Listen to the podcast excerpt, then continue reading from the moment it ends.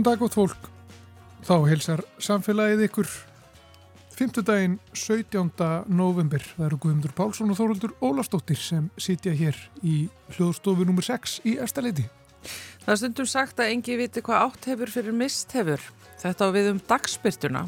Hún er að hverfa og söknuðurinn hreinlega að slega marga, held ég að, að sé óhætt að segja. En eh, eitt er að missa byrtu fyrir náttúrulegar sakir, það er nú bara þannig hér á Íslandi. Annað og verra er þegar byrtan er hönnuð í burtu, sem er því miður eitthvað sem er allt of oft gert þegar kemur að skipulagi byggðar og íverurýma. Við ætlum að ræða við arkitekt sem hefur sérhaft sig í dagsbyrtu í Íbúabyggð. Svo ætlum við að heimsækja eldisfyrirtækið Sæbíli í Grindavík. Þar er starrægt ungviða eldisstöð fyrir Sæeiru sem mörgum þykir herramanns matur. Við ræðum þar við Áskir Guðrason sem er frumkvöðl í slíku eldi. Við tölum líka við Jón Áskirsson, framkvæmtastjóra auðlendagarðs HS Orgu. En hugmyndir eru upp um samstarf þeirra á milli um umfangsmikið áfram eldi á sæeirum. Við fáum svo umhverfspistil frá Stefáni Gíslasinni, umhverfstjórnunar fræðingi hér í lok þáttar og svo kannski einhver tíman þarna inn á milli skellu við í eitt russlarapp. En eh, við skulum byrja á dagspyrtunni.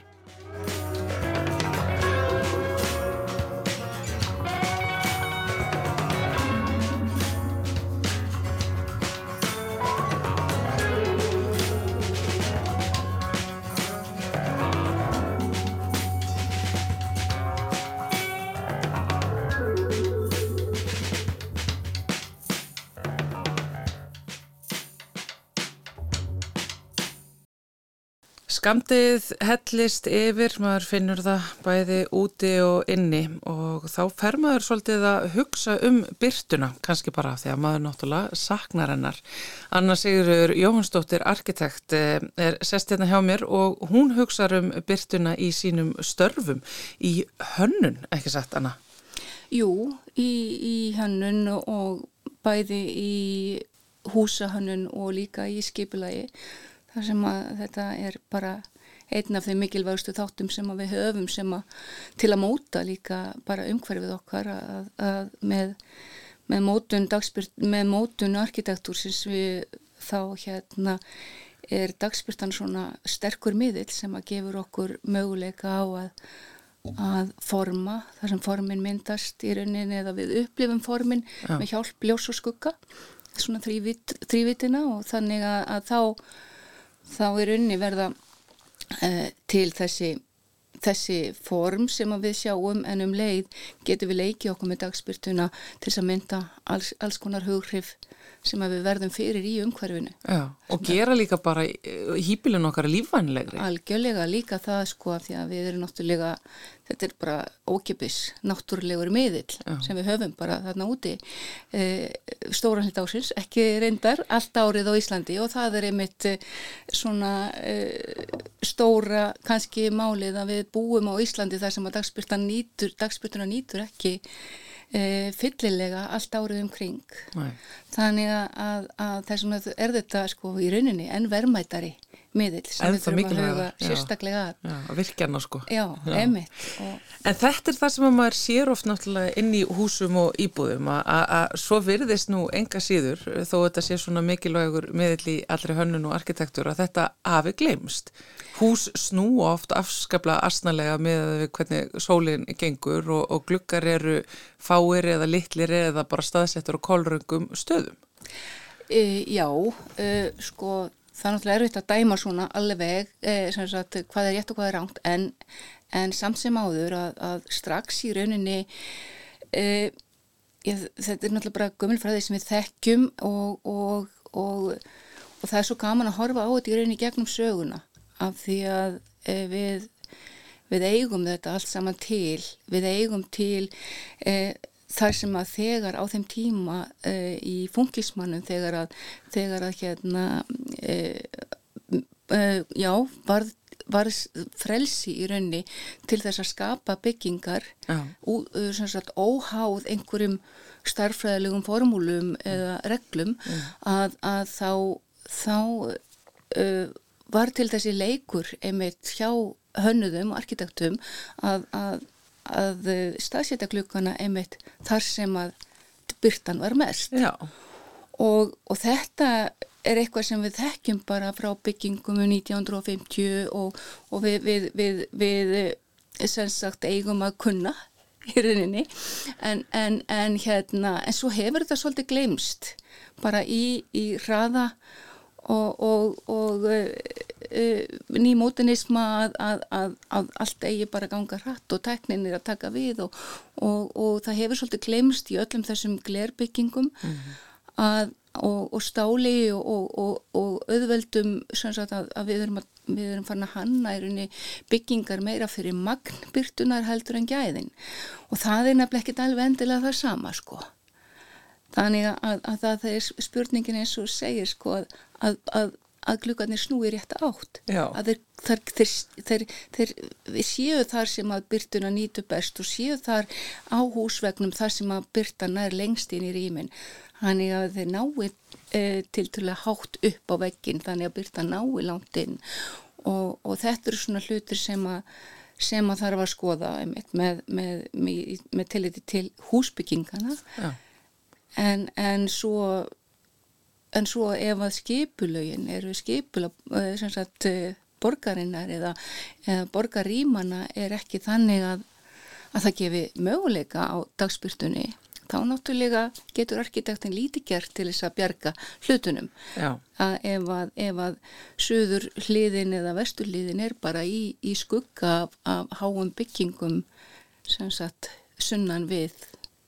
Þannig að það er svona það, það, það, þess vegna hef ég í rauninni svolítið á síðustu árum fært fókusin frá byggingunni svolítið yfir í skipulæð af því að þar er í rauninni kannski þessi uh, uh, já þessi það er í rauninni verður að gerast þar að við tökum mið af dagspyrtunni við búum á Íslandi og við getum ekki hanað húsagötur á sama hátt og gert er í Suður-Evropu ekki ef við ætlum að hafa þau gæði sem við þurfum á að halda til þess að skapa líf. Sem er dagspyrstan hér á Íslandi svo sannarlega. En veist, annars segir af því að þú ert að fara að skoða meira skipulægið og ég bara veit að það er náttúrulega hafa, hafa ímis mistök verið gerð og á það er bent til dæmis bara innan þinnan, þinnar eh, fagstjættar og bara almenningur finnur þetta svo náttúrulega líka á eigin skinni. Og, og það er með málið, er, er sem sagt búið að koma í veg fyrir að þetta geti gæst, er búið að tala fyrir dagspyrtunni í skipulagi hérna íbúðakverfa, í þjættingu byggðar, mm -hmm, mm -hmm. Þeir, þeirri umræði allri? Sko, já, það sko í, í það hefur náttúrulega alltaf verið með í umræðinni en því miður verðist að, að aðrir þættir hafi í rauninni unnið mm. kemnina þannig. Og, og, og það er náttúrulega við margt, margt að sagast eins og maður getur sagt sko en, en, en, en hérna e, sko e, við þurfum að taka með á dagspyrtunni ef við ætlum að, við ætlum að hérna, búa til lífanleg rými. Eh, bæði úti og inni og, og þetta sko við höfum sko það, það er í raunni eins og ennþá í dag er, er verið að um það vantar húsnaði, það þarf byggja hratt, það þarf að allt þarf að gerast mjög hratt og það er náttúrulega bara í vestrannu samfélagi þá, þá bara gerast, þá eiga hlutindar að gerast með ógnar hraða mm -hmm. þannig að, að, og við bara höppum á vagnin og, og, og hérna og kannski í hraðanum gleymum því kannski sem að sem að uh, sem sagt, við, við í rauninni vitum. En, en er sko það er bara svo mörg áhrif. Það er svo margir að þrýsta á að hlutinir bara gangi og einmitt byggingamagnið er orðið allt of mikið og allt of frekt. Mm. það er verið að, það er náttúrulega peningaöflin er að lóðirnar eru dýrar og þá farið að byggja hærra og byggja breyðari byggingar og, og þetta, hefur, þetta er allt, hefur allt neikvæð áhrif á í rauninni e, dagsbyrtu gæðin uh. ef við byggjum bæði djúbarbyggingar og svo líka ofháar uh. og þá, þá verðum við að taka með af því að sólinn er e, hérna mjög látt á lofti og, og, og lengsta tíma ársins er en einhver staðar undir, bara í kringum 30 gráðar og undir því. Þannig að þetta, þetta er svona, sko, þó við förum upp í einhverjar 45 á, á hérna, 43 eh, á, á hásumar að þá, þá hérna, þá erum við samt strax að fara aftur nýður á við. Og, og þannig að, að sólarvinkillin er mjög, mjög uh, lár og þannig að skuggarnir eru langir. Og og hérna þess vegna uh, þess vegna er þetta svolítið synd að við skulum vera að skipulegja núna og erum búin að vera skipulegja og byggja svæði sem eru við viljum kalla borgargötur sem eru með háan byggingum begja vegna alveg út í, í, í göturýmið og, og skapa í rauninni ekkert rými fyrir fólkið heldur bara skuggasund til þess að hlaupa á milli húsa. Uh, og, og það er svona sko, það er náttúrulega svo það er hægt að gera þetta að sko allt allt öruvísi við þekkjum það bara það er bara allt sagan er, er segir okkur þetta allt saman. Það var bara í fyrsta aðalskipla 1927 sem var samþygt þá er náttúrulega þá er þverfaglegt samráð á meðli Guðjón Samúelssonar og Guðmundur Hannessonar læknis og, og, og húsameistari og læknirinn þeir vinna þannig saman að skipulaskerð 1927 byrjaði þarna 1920 kannski að vinna það. Og, og hérna e, og þar eru þar eru hérna áherslunar fyrst og fremst á líðhelsu og þá er dagspyrta nummer 1, 2 og 3 Já. að fólkið hafi aðgang á dagspyrtunum bæði í gorðinu sínum í húsunum og, og stutt í, í, í opin svæði. Og, og, og um leið og þú farð byrtuna í, í göturýmin eh, á húsveikina þá ertu komið byrtuna inn í húsin. Þannig að, að, að þetta hefur allt jákvæð áhrif. Já, síðan hefur okkur verið kannski svolítið meðslagðar hendur. Síðan hefur bara beningarvaldið haft svolítið sterk ítök mm. eins og svo sem kannski alls það er sem við svona okkar svona næstu nákvæmna þjóðum og, og við höfum kannski glemt því að við búum á Íslandi en svolítið glemt því að við, ef við ætlum að búa til gott umhverfi hjá okkur þá verðum við að taka mið af því hvar við erum mm. og okkar aðstæðum og, og það er svona fyrsta skrefið og ef við gerum það ekki þá er bara svolítið erfitt að snúa tilbaka því þá erum við búin að skemma eitthvað. En annars er sko bara fyrir almenning mm. sem að kannski hérna fattar ekki þegar það er að kaupa sér húsnæði eða mm. hérna er að mm. koma sér fyrir í, í, í búinu sínum hvað dagspyrtan er mikilvæg og síðan vaknar upp við það bara, heyrðu, það vantar alltaf byrtu hérna inn á heimilu mitt. Hvaða, hvaða möguleika hefur það? Vist, hvað eigum við að vera að leita eftir þegar Já. við erum að skoða húsnaði Þetta er rosalega flókið og ekki síst ef þú ert að leita þér að húsnaði kannski að, að, að skoða húsnaði í mestur kamdeginu Já.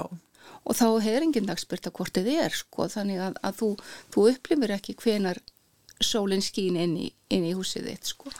þannig að það er mjög erfitt fyrir svona fólk að hafa hugan þarna uh, og en það sem er bara einföll leikregla í rauninni það að það séu lægri hús sunnamegin við húsi þitt ekki harri en þitt hús uh -huh. þannig að byrta nái sem lengst þú getur náttúrulega ekki vita hvað hún er lágt, lágt en, en svona eh, að óséðu en, en, en þú getur þó svona metið að já, hér er lábygging fyrir framann sunnan meginn þar sem að sólinn skýn þannig að sólinn ætti að ná hér yfir allavegana sko þú veist, uh, já þetta er svona það, það hún er næri allavega lengra heldur en ef það er, væri hábygging þarna þeim meginn við. já og þetta er hægt að skoða þetta, reyna þetta bara sjálfur og lappa bara laugavegin og skoða hvar, er, hvar eru lágarbyggingar og háarbyggingar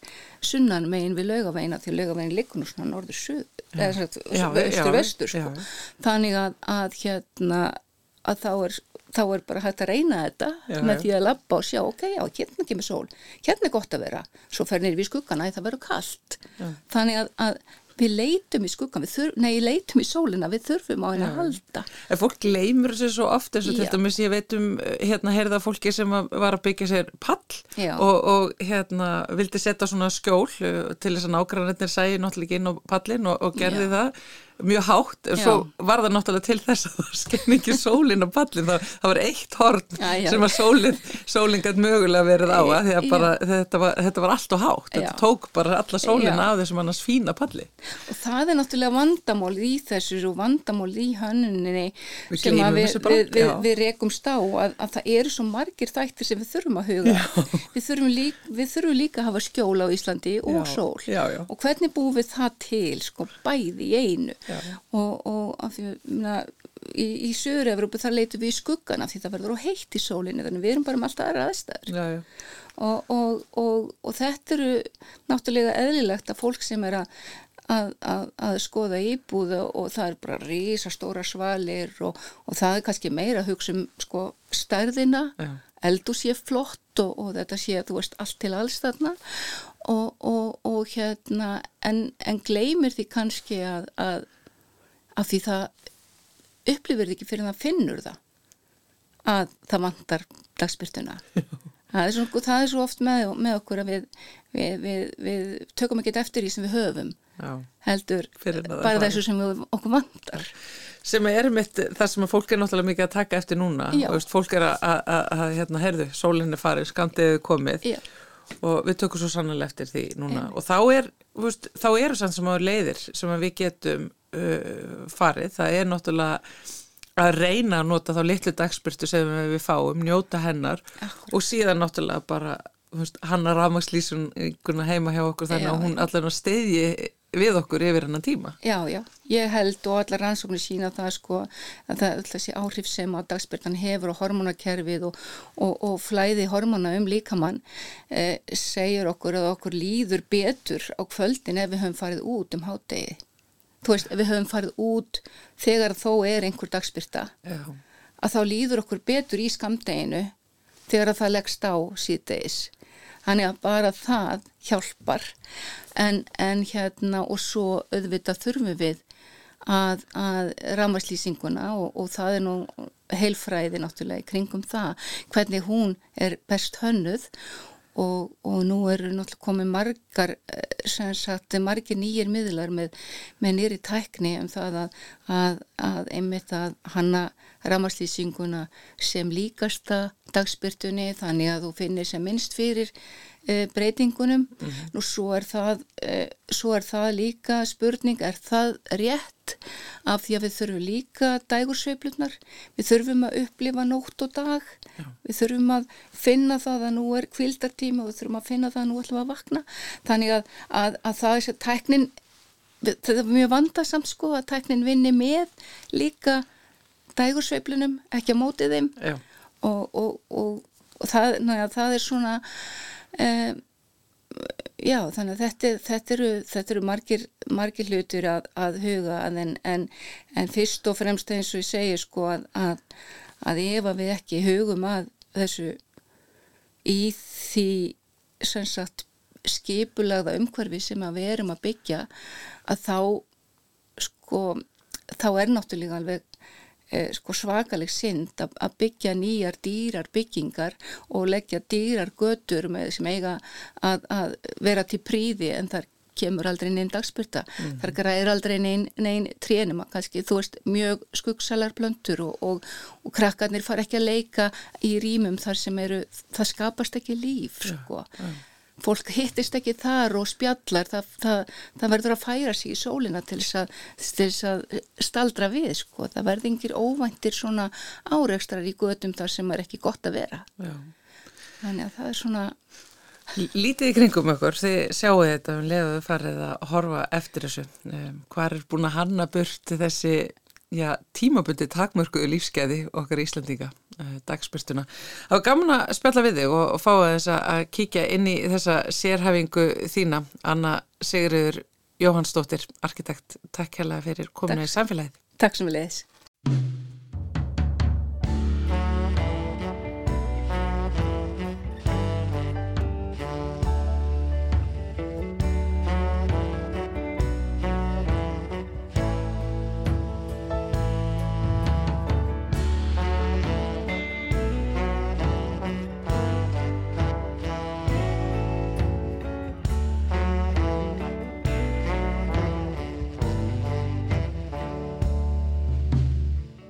Sumir dagar þeir eru bara svona. Snúnir þungir og erfiðir. Að þú sopna léttur að kveldi Vaknar að mótni og allt er í steik. En í rauninni gerðist ekkert nýtt nema bara Já ég meina það. Sumir dagar Þeir eru bara svona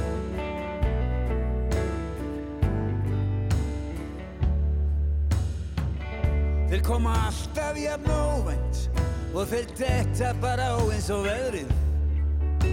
Það eina sem hægt er að gera er að lifa daginn af og segja við sjálfum sig Þetta hlýtur að taka enda. Já ég meina sumir dagar, sumir dagar, þeir eru bara svona.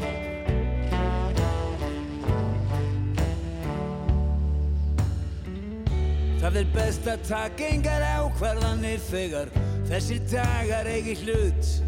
Því þeir eru ósangjarti og ekkert gengur upp hvort sem er. Það eina sem hægt er að gera er að býða þá af sér. Já ég meina það. Sumir dagar, sumir dagar Þeir eru bara svona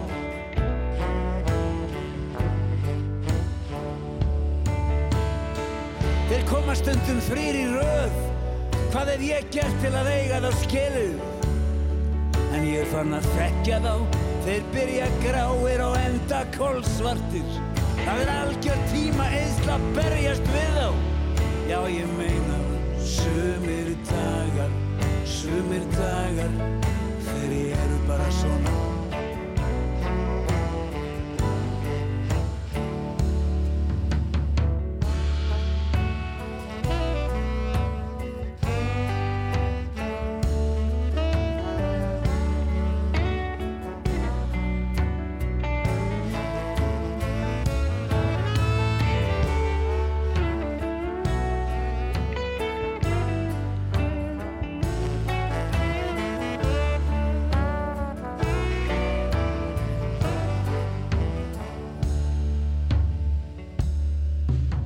Svo vaknar maður upp eitt daginn, hellir upp á og allt er hvert skýrt. Það er ekki ský á lofti og allt eins og það á að vera. Og þá er nú eins gott að njóta dagsins, það gengur hvortið er allt upp. Sumir dagar, sumir dagar, þeir eru bara svona. Sumir dagar, sumir dagar, þeir eru bara svona. Sumir dagar, sumir dagar. Þeir eru bara svona. Sumir dagar, sumir dagar. Þeir eru bara svona.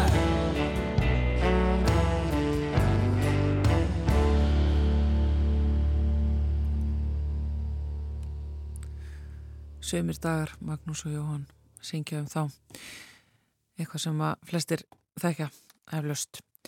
Og uh, næst ætlum við að fara söður til Grindavíkur og heimsækja eldisfyrirtækið Sæbíli sem stefnir að umfangsmiklu eldi á sæeirum í samstarfi við auðlindakarð Hás Orgu.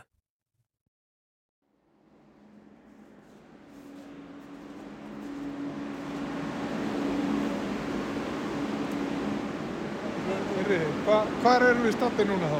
Ha, Hvar erum við stattir núna? núna erum við stattir það sem kallast botnámssvæði og þetta heitir botnámssvæði að því að lirfur sem að klekjast úr hróknum eru sundlagar í fimm daga en eftir fimm daga þá eru það tilbúin að nema botn og þá nema þeir botn á þessu svæði í kerjum með blötum sem, sem, sem að festa sig við. Við skulum lappa bara upp að hérna og byrja á byrjuninni. Ok, byrjum á byrjunum. Og hér er Ásker Eiríkur Guðnason, framkvæmtastjóri Sæbílis sem að eh, er að standa hér í já, miklu eldi, er það ekki þetta, þið kallir þetta ungviða uppeldistöð eða hvað? Jú, það er rétt. Við erum hérna sagt að byggja upp ungueldistöð til þess að, til þess að hérna standa undir síðan áframhaldandi uppbyggingu annar staðar með áframeldi og við erum, erum stóruga, við stefnum að því að að fara framleiða nægilegt ungviði hérna til þess að standa undir 200 tonna framleiðslu og síðan meira. Þannig að gríðilega verma tegund sem við erum að tala um frá kannski 40 dólarar upp í 200 dólarar á kílóið. Þetta er miklu að slægjast og til þess að geta gert þetta þá höfum við hérna sem sagt tvo klagstofna annan, annan klagstofnin sem að sín er hérna eftir er, er sem sagt kemur frá Kaliforni og heitir Rautsæjara og, og, og svo hérna erum við með annan klagstof hérna hínum einn sem sagt þetta eru tvö einangru svæði. Og, og hann, það er klagstof sem við kallum ESO og þetta er allt saman sæjuru en sem sagt bara mismunandi tegundir. Það er sem sagt upprunni frá Japan. Og ef við löpum hérna inn hér eru sko, hér eru kér hér eru kér, og hér bublar allt. Og hérna eru við með mjög stór særu. Þessi, þessi særu hérna sem að þú sért hérna í, í kérinu er, eru framleitt í Kimbótatilraun 1996 ef ég mann rétt. Þannig að þau eru orðin ansið gömur og, og, og ennþá frjó. Við erum með að, að, að þessum dýrum hérna, þessum, rauðursæðurum, erum við með um, um 200 dýr og við getum fengið um upp, upp í 20 miljón hróp úr hverju einu þeirra. 20 miljón? 20 miljón hróp, og er er ég.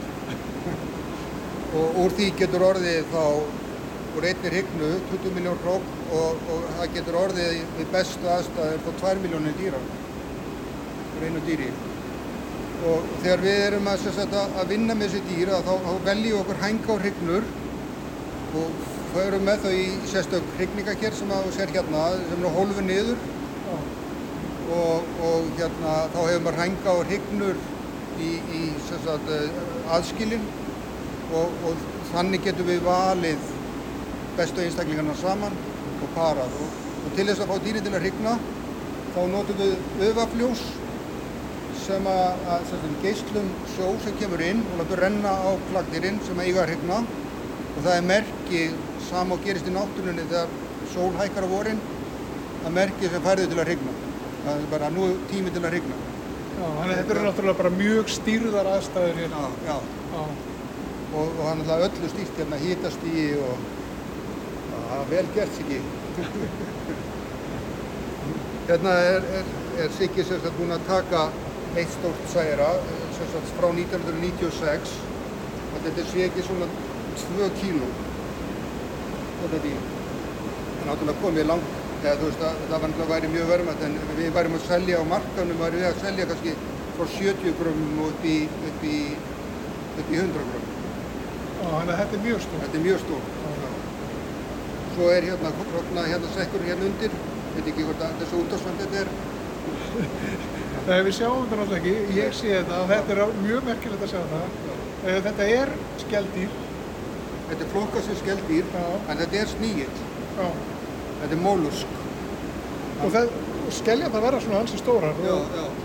Og það eru mjög fallegar, þetta er mjög fallega skell. Já, já, og það eru mikið notaðir í skarkrippi og, hérna, skelljanar og tölur og alls konar sem geta verið ansi litfærar að innan jafn, og, og náttúrulega fallur litur auðan líka. Já. en það er svona perlumóður svona glitrandi þess vegna eru svona farin að kalla þetta svo uh, jafnvel glitera í gömlu bókum heitir þetta glitera Já. og þessir einstaklingar hér eru frá 1996 Já. og er það frá þér komið, ert þú búin að vera standið þessu síðan þá? Eh, já, reyndar, já.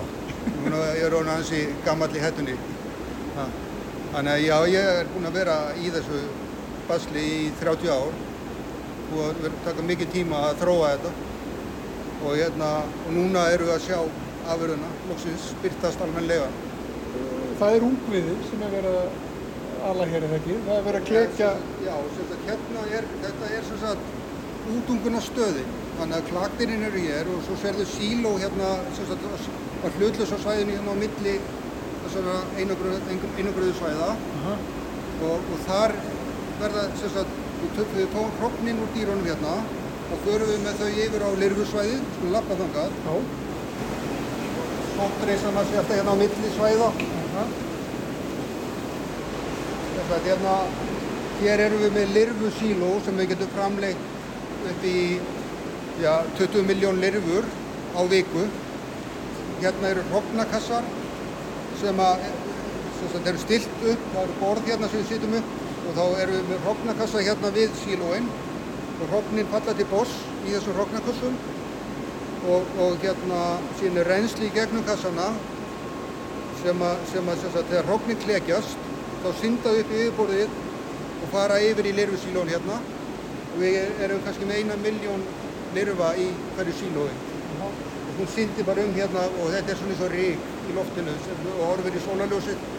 Það er eiginlega svona upplifunin af því sem hún sérði í sílóum og, og hér eru þær í fimm daga lirfunar og mynda skél og skriðfót og, og það sem þurfa fyrir botliði og eftir fimm daga þá förum við með dýri niður í botnámssvæðið og þar nemaði botn.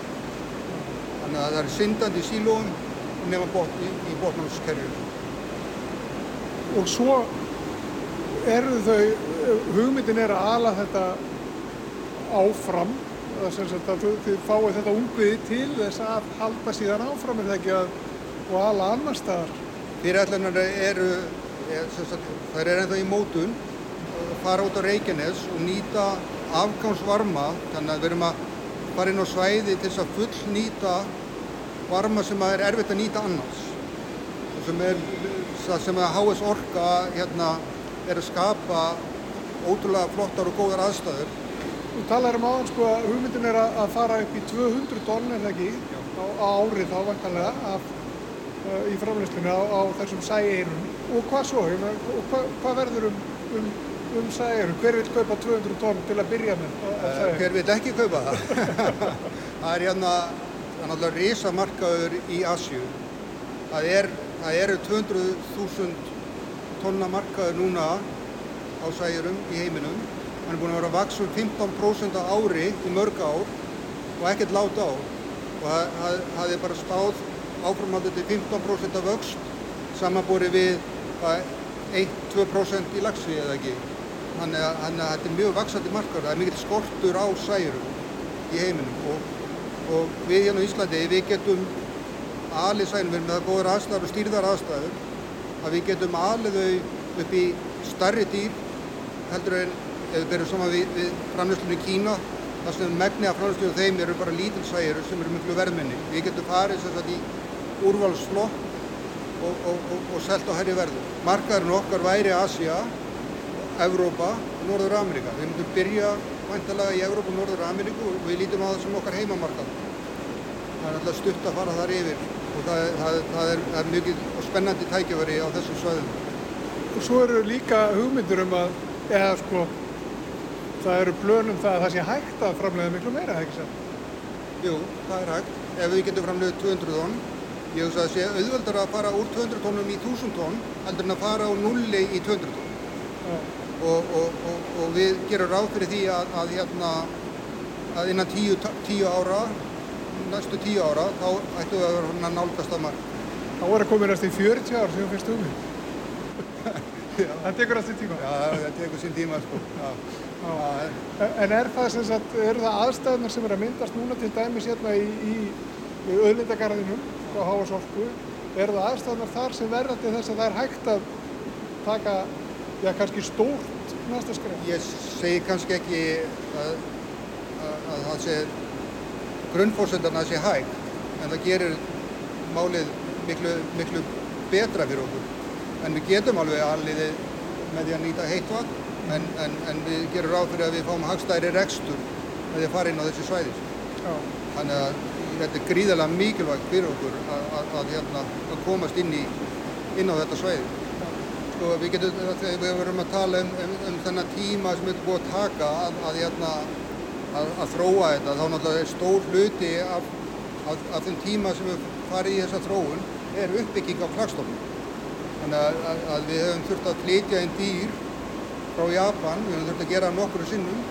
Og svo höfum við þurft að ala undan þeim dýrum hérna, ungviði og ala þau upp í klagstar. Þannig að við erum dýrin sem við erum með hérna, þessi klagdýr þau eru þau eru sem sagt önnur kynslu og þriða kynslu dýra. Og þannig að við erum að tala um bara, bara að búa til dýr. Það getur verið sko fjög, fimm ár að ná góðum klagstofni úr innfluttum dýrum. En svo ef, ef, ef við tölum um, um hérna fórsöldunum fyrir þessu hérna á Íslandi að þá erum við með gríðarlega mikið af góðum þara sem að henda særum vel. Við erum með, við erum með þara hérna sem að, sem að er, er rossaþari og beltistari sem að vex hér um allt og eru virklega möguleika líka í að rækta. Og það er líka einna möguleikunum í öðlundagardinum að setja upp ræktun og þara sem að nýtist í, í særna eldið okkar og, og það allt saman vinnur að, að þeim markmiði að kólefnisbinding í eldinu verður meiri það verður meiri, það verður neikvæð kólefnisbinding sem sagt í særna eldinu þannig að það er mjög náttúrulega framleyslu, náttúruvæna framleyslu Og þetta er umhverfisvænt eiginlega á mörgum, mörgum stegum í rauninni þessi, þessi matalaframlega. Já, algjörlega. Skelin bindur, þarinn bindur og, hérna, síðan eru náttúrulega með náttúru uh, vistan orku. Og hér er Jón Alskersson sem er framkvæmtastjóri yfir öðlindagarðinum sem að HS Orka starfrækir hér á Reykjanesi. Þið eru náttúrulega með hérna, orku framleyslu í Svarsengi og svo Reykjanesvirkjun einmitt. og svo er þið með öðlindagarðin þar sem að ja, þar sem að þið eru að fullnýta er það ekki, þar sem að fellur til þessu orku framleyslu. Jú, og það er, það má eiginlega segja að, að, að þetta er, er í DNA-nu hjá HS Orku, þetta er, þetta, er, þetta er 40 ára saga að fullnýta, fullnýta auðlindina uh, og það er, það er kannski einfaldast að, að minna á Bláa Lónið sem er, sem er fyrirtæki sem var til innan HS Orku til að byrja með og hefur núna öðlast, öðlast sjálfst, sjálfstætt og mjög öflugt líf sem einmitt er, er að nýta, nýta meirinn eina auðlind frá, frá, frá orkuverðum okkar. En það sem tengir særneldinu helst er það að, að eru þær aðstæður sem út á Reykjanesi. Ef, ef við, ef við skoðum Reykjanesi þá er svolítið ábyrgand að það eru engar ár á Reykjanesi. Það er vegna þess að, að, að e, jarðvegurinn er mjög glúpur og það er hr- hraun á, á, á mestarlu Reykjanesinu sem veldur því að, að ef við borum uh, fyrir innan strandlengjuna þá, þá, þá kemur upp mjög hreitt sjór sem hefur verið síjaður í gegnum hraunin. Við út á Reykjanesi þá notum við þetta þennan, tandurhreina sjó til þess að kæla túrbinundur okkar og afraksturinn er sjór sem er kannski 30-35 gráður heitur sem er svo hægt að nýta áfram í, í eldi á lífverum sem þurfa, þurfa að hýta sem annars er ekki til staðar á Íslandi og við erum nú þegar með, með fiskaldisfyrirtæki út á, á Reykjanesi stolt sem, sem er að rækta flatfisk sem þarf 20 gráðu heitan sjó. Þannig að þetta er alveg, alveg, sér, alveg sérstakar aðstæður og, og hérna, þarna getum við bóðið upp á, bóðið, bóðið særjónum upp á kjöraðstæður og það sem meira er að þetta getur bóðið upp á mögulega samnýtingu með öðru, öðru, öðru eldi, fiskeldi. Þannig að, þannig að þarna erum við að reyna að taka það skref að, að minnstu kosti auka þann möguleika að auka hringar og sinna ekki innan fyrirtækja sem eru hjá okkur í öðvundikarfum. Og þetta býður náttúrulega upp á líka bara möguleikan að að hala uh, dýr eða hala sem sagt, lífverur sem að eh, lifa í hlýjum sjó Já, já, sem að annars er náttúrulega ómögulegt og hérna á, Norðurslunum. já, við erum nú þegar, nú þegar er stolt, stolt búið að vera hjá okkur í undanbyrð tíu ár með e- einmitt slíka lífverður sem, sem þarf 20 gráður til þess að, að þrýfast. Og er hugmyndið þá að já, eins og starfsemið hérna hjá Sæbíli að hún flytist inn í, sko þarf hún að fara inn fyrir einhverja girðingu til að vera hluti af auðlindagarðin. Já, til þess að ná þessari beinu tengingu að þá, þá, þá þarf, og, það, og, og, og þá erum við að tala um áframeldi hérna, upp, í, í, í fulla stærð sem mun flytjast á auðlindagarðin á Reykjanes. Eru mörg svona tækifæri sem að, sem að hérna, þið sjáið eða, eða vitið að sko að eru það búið, jafnvel þú sjáðu þau ekki. Sko, já, við, við vitum nú þegar að það eru sko, eins, og, eins og bara samtalið við Sæbili og við önnur eldisfyrirtæki þá sjáum við möguleika á, á samtengingu. Uh, við myndumst nú þegar á Þaran uh, önnur fyrirtæki sem gætu stutt við þetta og annað fiskaldis eru til dæmis framleysla á rafelsneiti sem er ekkert annað heldur en að kljúa vatn upp í, til að, til að byrja með að kljúa vatn upp í súrefni og vetni Súrefni er mikið notað í fiskeldi þannig að þar er værum við með tengingu. Uh, úrgangur frá fiskeldi á landi e, getur verið nýttur til áburðarframleiðslu og þess að þannig að við sjáum nú þegar mörg tækifæri og við vitum að það eru, það eru tækifæri sem við vitum ekki af ennþá, sem, bara, sem við eigum eftir að, eftir að koma auðvitað á. Og er þetta þá orka sem að, sem að er ekkert nýtt og hefur ekki verið nýtinga til sem að, sem að fyrir þessari? Sko það er, það er, það er, það er orka sem er og við erum komið mjög langt hjá okkur í fjölnýtingu þar að segja að, að fyrirtæki séu að nýta ströymana, alla ströyma frá okkur. Það sem er kannski svolítið, sem, sem er ennþá, ennþá vannýtt og eru, eru tækifæri er að fyrirtækin sem eru í auðlindagarðum deili með þessi ströymum, að ströymar fari frá einu fyrirtæki til annars í auðlindagarðum. Um, ekkert endilega frá háu sorku heldur að það fara á milli fyrirtækina. Þar, þar, þar teljum við að séu tölverkt tækifæri Þannig að þetta gæti orðið bara svolítið stór svona samverkandi heild sem að, að gengur einhvern veginn í ring. Já, það, það, er það sem við sjáum fyrir okkur, það gæti, gæti alveg gerst. Það er það sem að, já, allir vilja. Það er það ekki, allt það. Það er allir. Það er ekki bara það að það er, það er uh, lágt kólefnisspor í framleiðslinu, orkuframleiðslinu heldur eru við með einingar eins og, eins og sægir, það sem bindur í raun kólefnið þar er það ekki. Í gegnum þaran í, í skél, skél sæðirans. Er margt annað framöndan? Uh, já, erum, það eru nokkuð fyrirtæki sem, eru að, eru að, hérna, sem við erum í viðræðinu við. Það er kannski aðeins og snemt að segja frá þeim öllum, en það eru á þessum nótum sem við höfum verið að ræða. Já, við komum bara aftur. Já, endilega. Hvenar myndur þú sjá fyrir þér eh, að þið getur fært ykkur yfir í, í þetta áframeldi ef allt fer eins og vonast er eftir? Uh, við getum verið hér í, í tvö ári viðbútt Þannig að svona innan tveggja ára ættu við að, að, að vera að fara að reyfa okkur þangar. Ég hef trúið því. Ja. En, en hérna, tímið mun leiða það í ljós hversu nákvæmur ég er með það. Ja. Og hvernig verður þú komin upp í þúsundtónin? Þú talar um tíu ára á það. Já, ef ekki, halda okkur við það. Halda okkur við það. Takk fyrir þetta. Takk fyrir þetta. Gaman að fá að koma í þessu. Takk fyrir.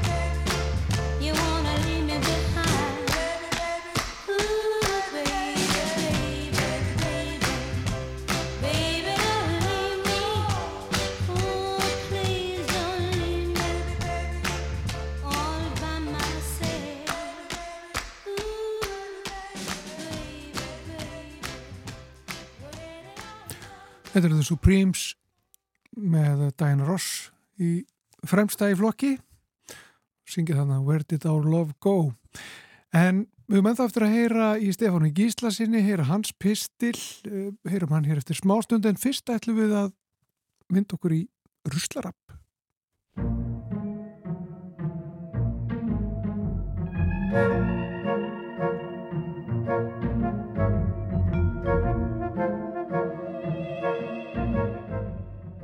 Ruslarappið hér í samfélaginu, Eiríkur Örð Þorstensson, okkar maður hjá Sorpu, sérfræðingur í fræðslu og miðlun, er sestur hjá okkur til þess að svara fyrir spurnum frá hlustandum meðal annars sem að senda þar inn á samfélagið at ruvaf.is og uh, við fengum uh, fyrir spurt frá manni sem að snýti sér mjög gærnan uh, í elduspappir af því að hann tekur inn nefntópak í nef Hann vil meina að hann eigi að setja snýtupappirinu sinn í pappisenduvinnslu. Er það svo? Uh, nei og sérstaklega reyndar með þetta og ef hann er þetta ekki nefið og, og svo snýta sér þannig að þá hafa þetta bara alls ekki heima með, með pappir ef það er einhverjar tópaksleifar hana en, en sem sagt svona eldúspappir uh, innheldur lítið af svo kallum pappirstrefjum sem er svona fórsenda þess að það sé hægt að endur vinna pappir þannig að hann á frekar að fara með almennasorpinu Og á og, þetta þá líka við um klósettpapir? Já, klósettpapir náttúrulega fyrir bara þá í, klósettið. En, en þetta er eitthvað sem að klósettpapir og, og eldúspapir, það er ekki, eitthvað sem að fyrir ekki með uh, hérna, bara einum vennjulega papir sem að við ekki með þess að í papistunnuna, minna ég. En okkur heitir þetta þá papir? Hvað ætti þetta annað að heita, ég? Þetta, þetta er náttúrulega, þetta er papir, þetta uh, ripnar eins og papir og, og hérna, er búið til úr bara svipað efni og, og pappir eins og blöð og slíkt en, en bara þetta Flokkast ekki sem slíkt? Nei, innihaldur lítið af þessum pappirstrefjum sko. Já. Já, þetta er svona pínulítið flókið þannig að aftur er þannig uh, uh, klósetpappir og eldurspapir er ekki flokkalegt sem pappir og alls, alls ekki þegar þú ert búin að snýta þér í það Nei, setjum það frekar þá bara með almenna Alltaf með almenna En, en líka með, með þennan pappir, þetta er náttúrulega ekkert mjög mengandi pappir fyrir umhverfið eða slíkt og þetta náttúrulega brotnar auðveldlega niður. Kanski helsti munurinn á, á þessum eldusbreyfum og, og öðrum pappir er að, að hérna, uh, þau hætta ekki í endurvinnslu, þess að þetta ekki hætta að endurvinna þetta. Mm -hmm. En einmitt nákvæmlega eins og klósetpappirinn, hann náttúrulega er góður sem slíkur að því að honum er ætlað að fara í klósetin, hann á að eðast upp þar. Já. Já, fáttur svo með öll íld. Akkurat. Eirikur Örþórstisson, takk kærlega fyrir að fara yfir þetta hérna með okkur í samfélaginu. Takk fyrir mig.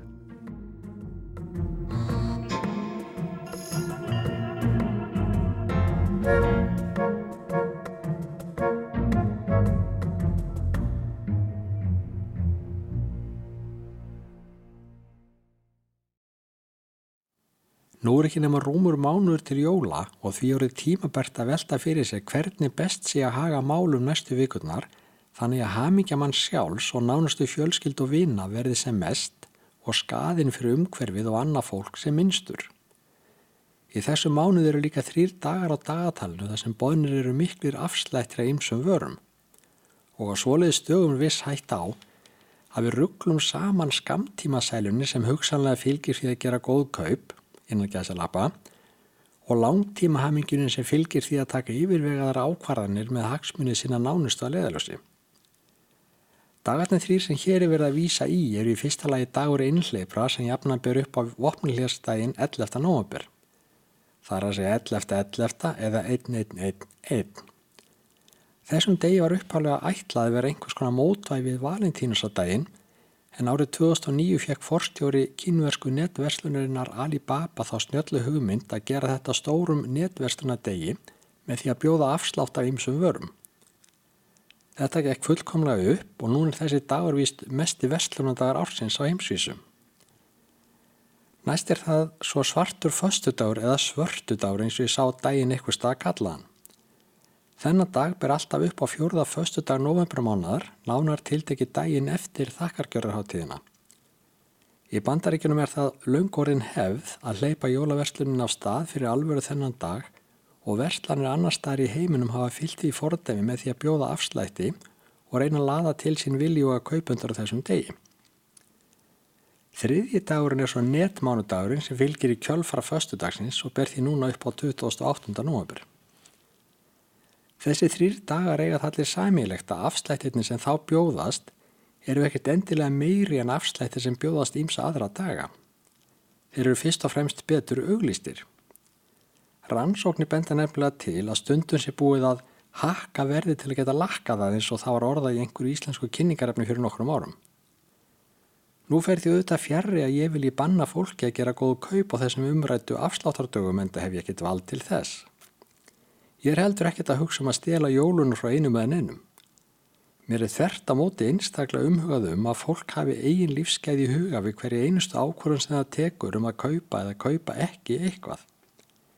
Mér grunar efnilega og hef mér að segja síðan okkur viðtör sem stiðja það að á þessum stóru afsláttadögum eða myndu afsláttadögum kaupi sumt fólk hluti sem það hefði annars ekki keft eða með öðrum orðum óþarfa.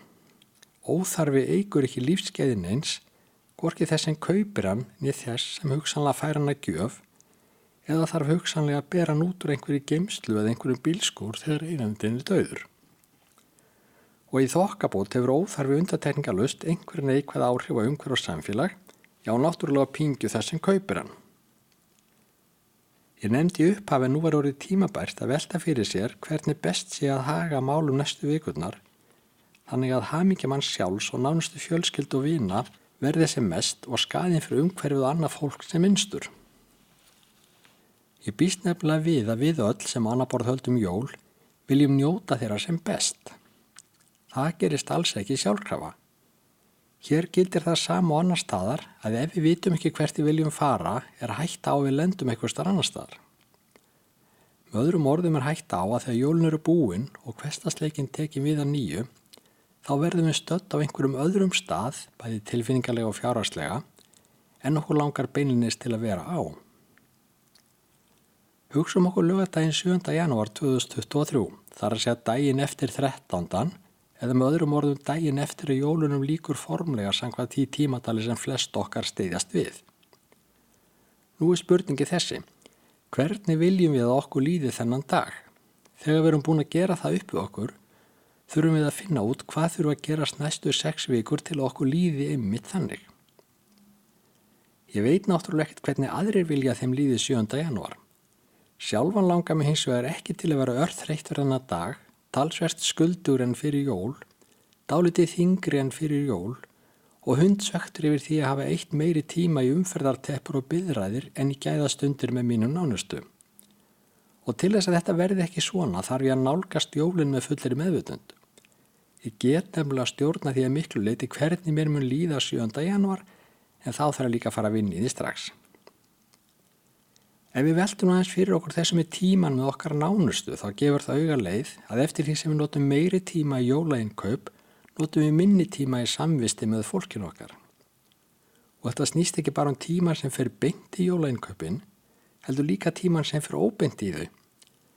Það er að segja tíman sem við kaupum allt jóladóti fyrir, hvort sem það eru gafir eða annað. Peningar er nefnilega ekki bara peningar, þeir eru tími og tími er það eina sem við eigum þegar við fæðumst í þennan heim eins og sænski elisfræðingurinn Bútil Jönsson bent á í bóksinni tíu þangar um tíman. Þessum tíma getum við ráðstafa meir og minnað vild á meðan hann endist. En við getum ekki bæði skipt honum út fyrir peningar sem við eigðum í vörur og notað hann sjálf með okkar nánustu.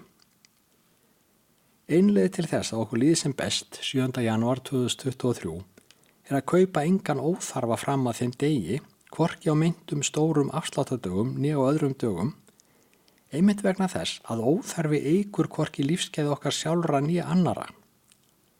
Besta ráðu til að forðast óþarfagildrurnar sem fyrir mann verða lagðar í aðranda jólana er að fylgja þeirri reglu að kaupa aldrei neitt af því að maður sá það í búðin og fannst það svo sniðugt eða af því að maður sá það auglist á netinu ótrúlega góðu verði. Þessi stað er þjóður á að gera fyrst upp við sig hvað mann langar til að kaupa og gera jafnvel innkaupalista og kaupa það svo í fyrsta lagi daginn eftir þar að segja mann langar en þá til þess. Líklega er það best að skrifa listan í síðasta lagi daginn fyrir einhvern stóran afsláttadag og kanna þá jafnframt verðið. Svo eru upplattar á það til skara að skrýða þegar afsláttunum býðst, Það er að segja ef afslátturinn er raunverulegur en ekki bara plat. Og þá má heldur ekkit víkja frá yngöpalistanum og vonandi líður okkur svo öllum vel lögadaginn 7. janúar 2023. Saði Stefán Gíslason. Já, Skilur okkur eins og vennilega eftir með ímislegt til þess að hugsa um. já. En við ætlum ekki að hafa þetta mikið lengra í dag, Þóruldur, og bara nákvæmlega ekkert lengra. Við erum að, að hugsa um að kveðja hlustendur. Jú, mikið rétt guðmundur. Það er komið að því en örvendið ekki það verður annar eh, þáttur af samfélaginu á sama tíma á morgun. Við heyrumst á. Verið sæl.